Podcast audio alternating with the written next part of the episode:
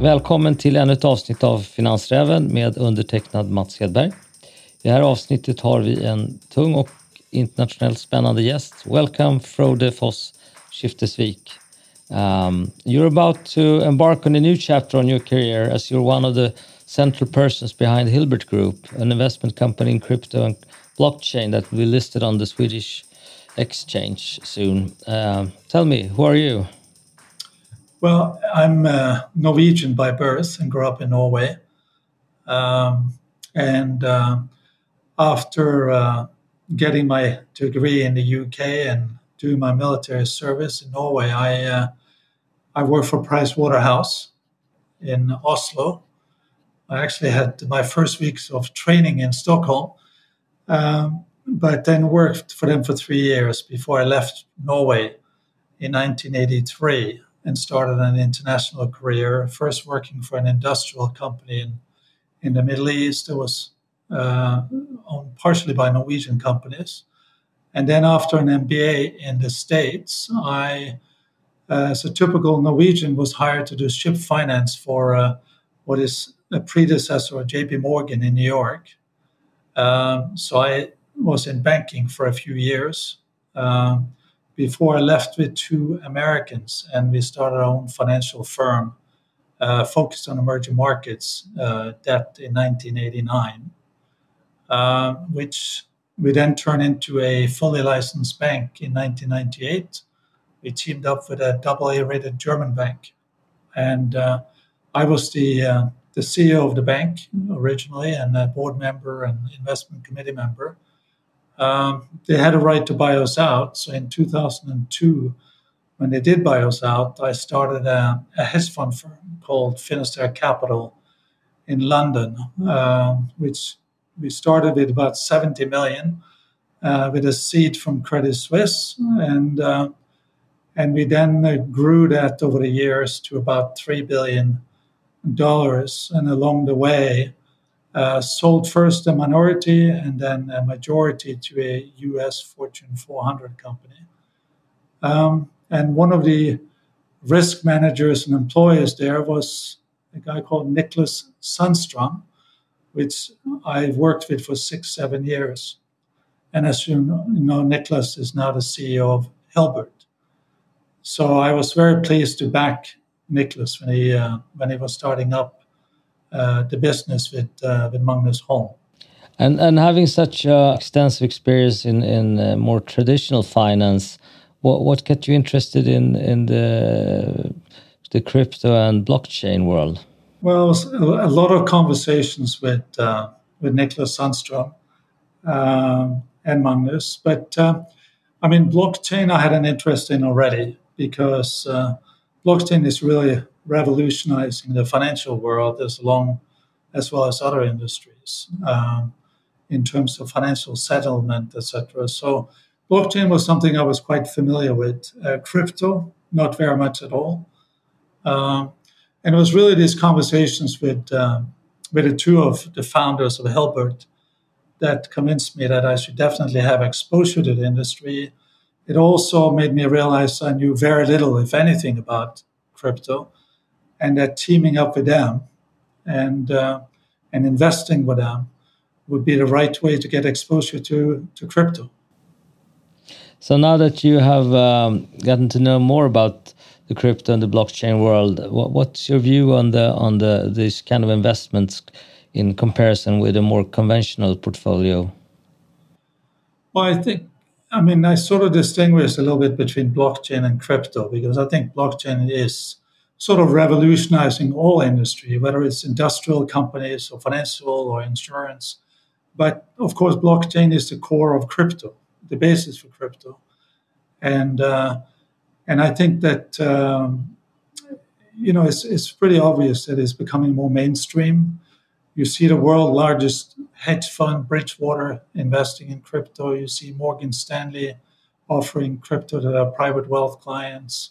You see endowments like Yale University investing in crypto, and payment um, companies like Visa and Mastercard and PayPal accepting crypto as payment. So I think it's it's becoming more mainstream, and I think all investors ought to have uh, exposure to crypto. And you know, if I'm you know coming from sort of an emerging markets background, uh, I think it has huge impact on emerging markets countries where people, you know, hundreds of millions or billions of people have not really have had access to normal banking services. And crypto is facilitating that for them. So I think crypto is here to be.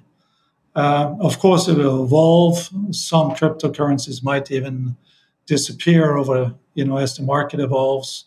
We'll get more regulation. But I think all investors ought to have exposure to it. A lot of the, the major uh, financial players have come around and accepted crypto as as part of a, a new as, as a new asset class, so to say. But there's still some doubters out there. Do you think they will come around? I think with time, but it will it will take time. Um, just like I think you know, it's a whole new industry.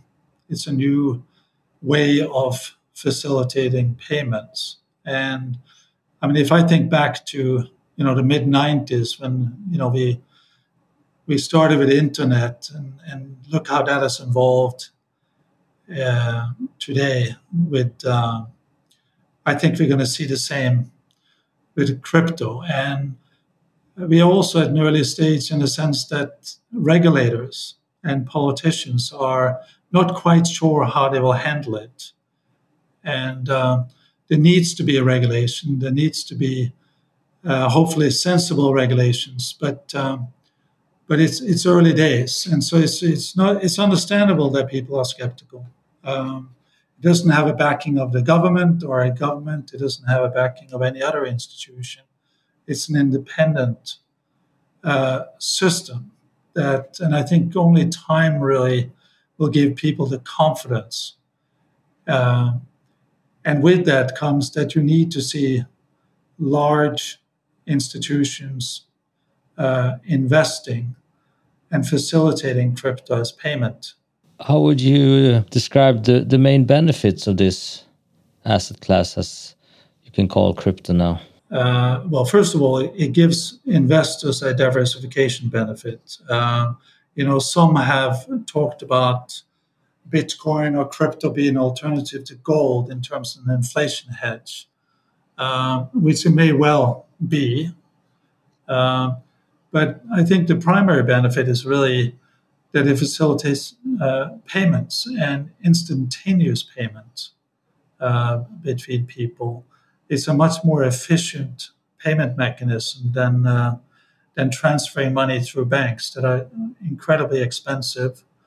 Um, and you see the less, perhaps the less, more less fortunate uh, people in the world uh, get often very charged um, disproportionately for transferring money. And crypto is a new mechanism for people to transfer money.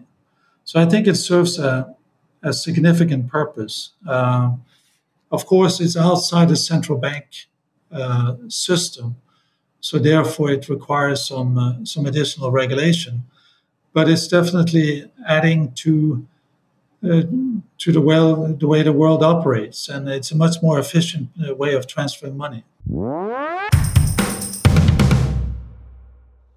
If one considers to invest in crypto, how do you think one should go about, and how, how much do you think you should have in a in a portfolio? Do you have any rules of thumb or, or any advice? I mean, I think that's going to vary tremendously between um, how people generally you know allocate their investments. But um, in my mind, it's still early stage. I would have my own bias is towards the more established um, cryptocurrencies, which is why I think sort of Bitcoin has become the core of almost any portfolio. Uh, and then you sort of diversify into other cryptocurrencies from there. But I think for most people, um, you know, most people will have less than 5% in crypto. There are, of course, people who are huge believers in allocating a lot more because they also think it provides a hedge to uh, to other assets, and they're concerned about the financial system and potential recession, etc. And they think that crypto provides a better hedge to that. Uh, but on my personal sort of uh, bias, I think sort of five to ten percent is probably uh, where where I'm thinking of my own personal personal outlook on on crypto. And you know, as it become more mainstream, that will change. But I think we're still you know at an early stage, and it's prudent to be careful, even if I, I'm a huge believer in it as you um, said, maybe add 5% of your portfolio into crypto. Uh, what, what would that do to your portfolio? How will it uh, react? Well, I think over time it will be naturally growing because I think it will outperform uh, any other asset class. Uh, you know, there will be individual equities that will do better than crypto, of course, if you if you pick them at the right time. But I think overall, as part of our portfolio, I think crypto will outperform over the next 10 years significantly. So therefore, I think it will, even if you're passive, it will grow as a percentage of your portfolio. So, uh, what what is the main driver between this uh, this uh, increased value of crypto? You, you think? I, well, I mean, if you look at mainstream currencies today, you're looking at the euro, the dollar, Japanese yen, uh, and of course some other currencies. But I think people are looking for an alternative, an alternative that they feel more comfortable with. And I think over time people will be more comfortable with crypto. It will just be a, naturally a bigger part of the portfolio. But you know, having said that, I think that um, it is a, a, a new investment area, and, and you need professionals you know, like Nicholas and Mats to sort of guide you in terms of investing in, in that area. And this, this is precisely why I've invested with Hilbert, because, you know, it's not an area, even though I'm a financial professional, I, um, I look to others who are have more in-depth knowledge to uh, to sort of do the allocation within crypto. Do you see crypto as somewhat of a uh, the growth in it is somewhat of a distrust towards the central banks? Yes, I think there is. Uh, and not always necessarily the central banks, but more the, the major economies and the, the political uncertainty that's created. If we look at the, the leading currency worldwide, the US dollar, I mean, it's been a, a pretty tumultuous political situation. Uh, first with Trump and now with Biden. So I think, uh, you know, politicians don't always inspire confidence, and uh, and people are concerned at times, and uh, also about international political risk. And so, crypto provides an alternative that's, if you like, separate from the mainstream uh, economy as a place to store part part of your wealth. Uh, you you you kind of um, mentioned it before, uh, but can you elaborate on the on how do you see the the regulatory risks here? I think um, I mean it, there is regulatory risk because any time you're waiting for uh, the political system and central banks and other regulators to decide how the regulatory landscape is going to look like, um, there is some risk, and there's there is risk of volatility uh, because of announcements and so on. But I'm sort of looking more at the five-year trend, uh, and I think we do need regulations. I I think it's uh, any new industry, you know, you need regulation. When we talk about a currency, um, the same applies. So I think uh, you know the U.S. will play a leading role in that in terms of uh, developing that. Um, but you know we are probably just months away from getting the first ETFs, the exchange traded uh, vehicles for for people to be able to invest in cryptocurrency and get exposure to the asset class. And I think U.S. regulators over the next year or so will come out with more detailed regulations. And I think it's a good thing. It doesn't mean I will agree with everything they'll come out with. I probably will not. But overall, the markets need some more oversight. It needs more regulation. and we can only hope that it's um, it has you know there's common sense behind it. Do you, do you see um, as the class evolves uh, and regulations might come in come into play? Do you see do you see the volatility going down in in in uh, crypto? I think over time, but not probably near term. Um, I mean, I think we've seen that very recently as well um, with uh, with Bitcoin. But I, I do think it will come down because you are getting uh, the largest financial institutions in the world investing in crypto, whether it's a university endowment uh, like Yale or the largest hedge fund in the world, or uh, you now have, you know, blue chip firms like Goldman Sachs hiring people and trading uh, crypto, Morgan Stanley offering uh, funds for their high net worth individuals to invest in, and so on. So I think as it become the investor becomes broadens and become, becomes more institutional, volatility will naturally come down. But you know we see volatility in the traditional currencies like euro and dollar and and so on. So, um, but I think I think it will become more correlated with other markets, and volatility will come down over time. But the trend, importantly, I think, is the trend is will be up.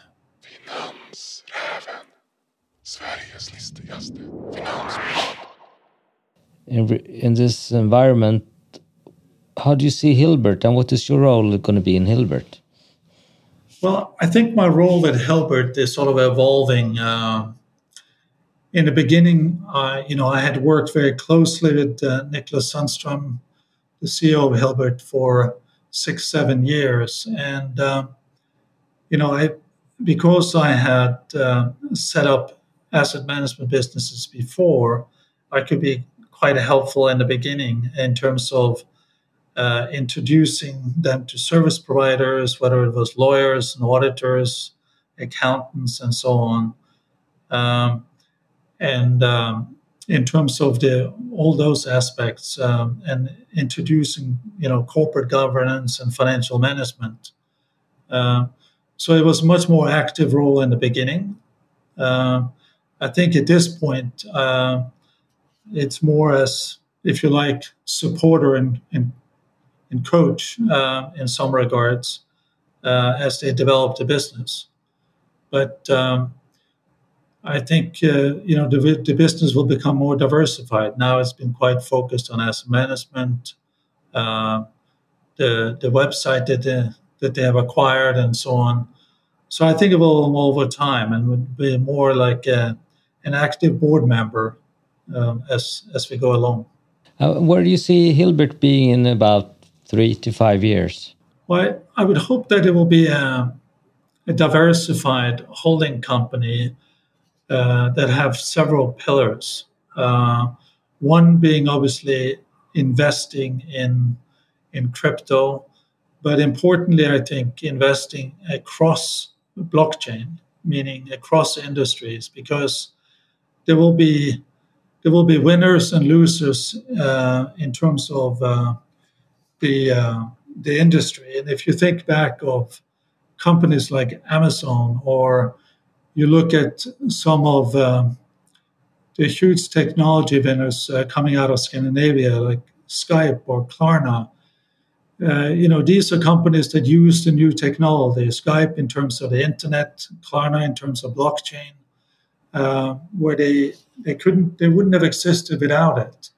So we're looking ahead you know five ten years. There are companies that probably even haven't been thought of yet that will be based on blockchain and and crypto. So i think the team at um, at hilbert has a unique set of skills and experience to be able to pick the winners in crypto and in blockchain and um, and that will diversify the business over time, where they will be investing in crypto, investing early stage companies, investing in companies as to develop uh, based on blockchain technology across industries. And that's what I find the most exciting because I think they're in sort of sitting in the middle of that information flow or in technology as it's happening.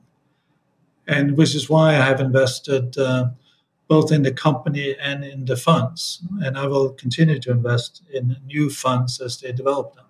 Very inspiring. And, and um, thank you so much for sharing so generously. Uh, do you have anything else that you would like to add before we come to an end? I would just say that um, the team with uh, led by uh, Nicholas and Magnus Holm uh, provides sort of a unique access to the market. It's really challenging to find a way, I think, for an individual, even uh, someone like myself who is in the financial market, to find the best way to express your allocation to crypto and to blockchain. And I'm excited because I think uh, Hilbert Group, uh, through the listing in Stockholm, provides investors an access that uh, uh, they otherwise might not be able to find seriously. Well, thanks so much, uh, Frode Foss Skiftesvik, for, for being uh, part of Finansräven. And uh, the best of luck now in the listing process. Thank you, Mats. Appreciate it.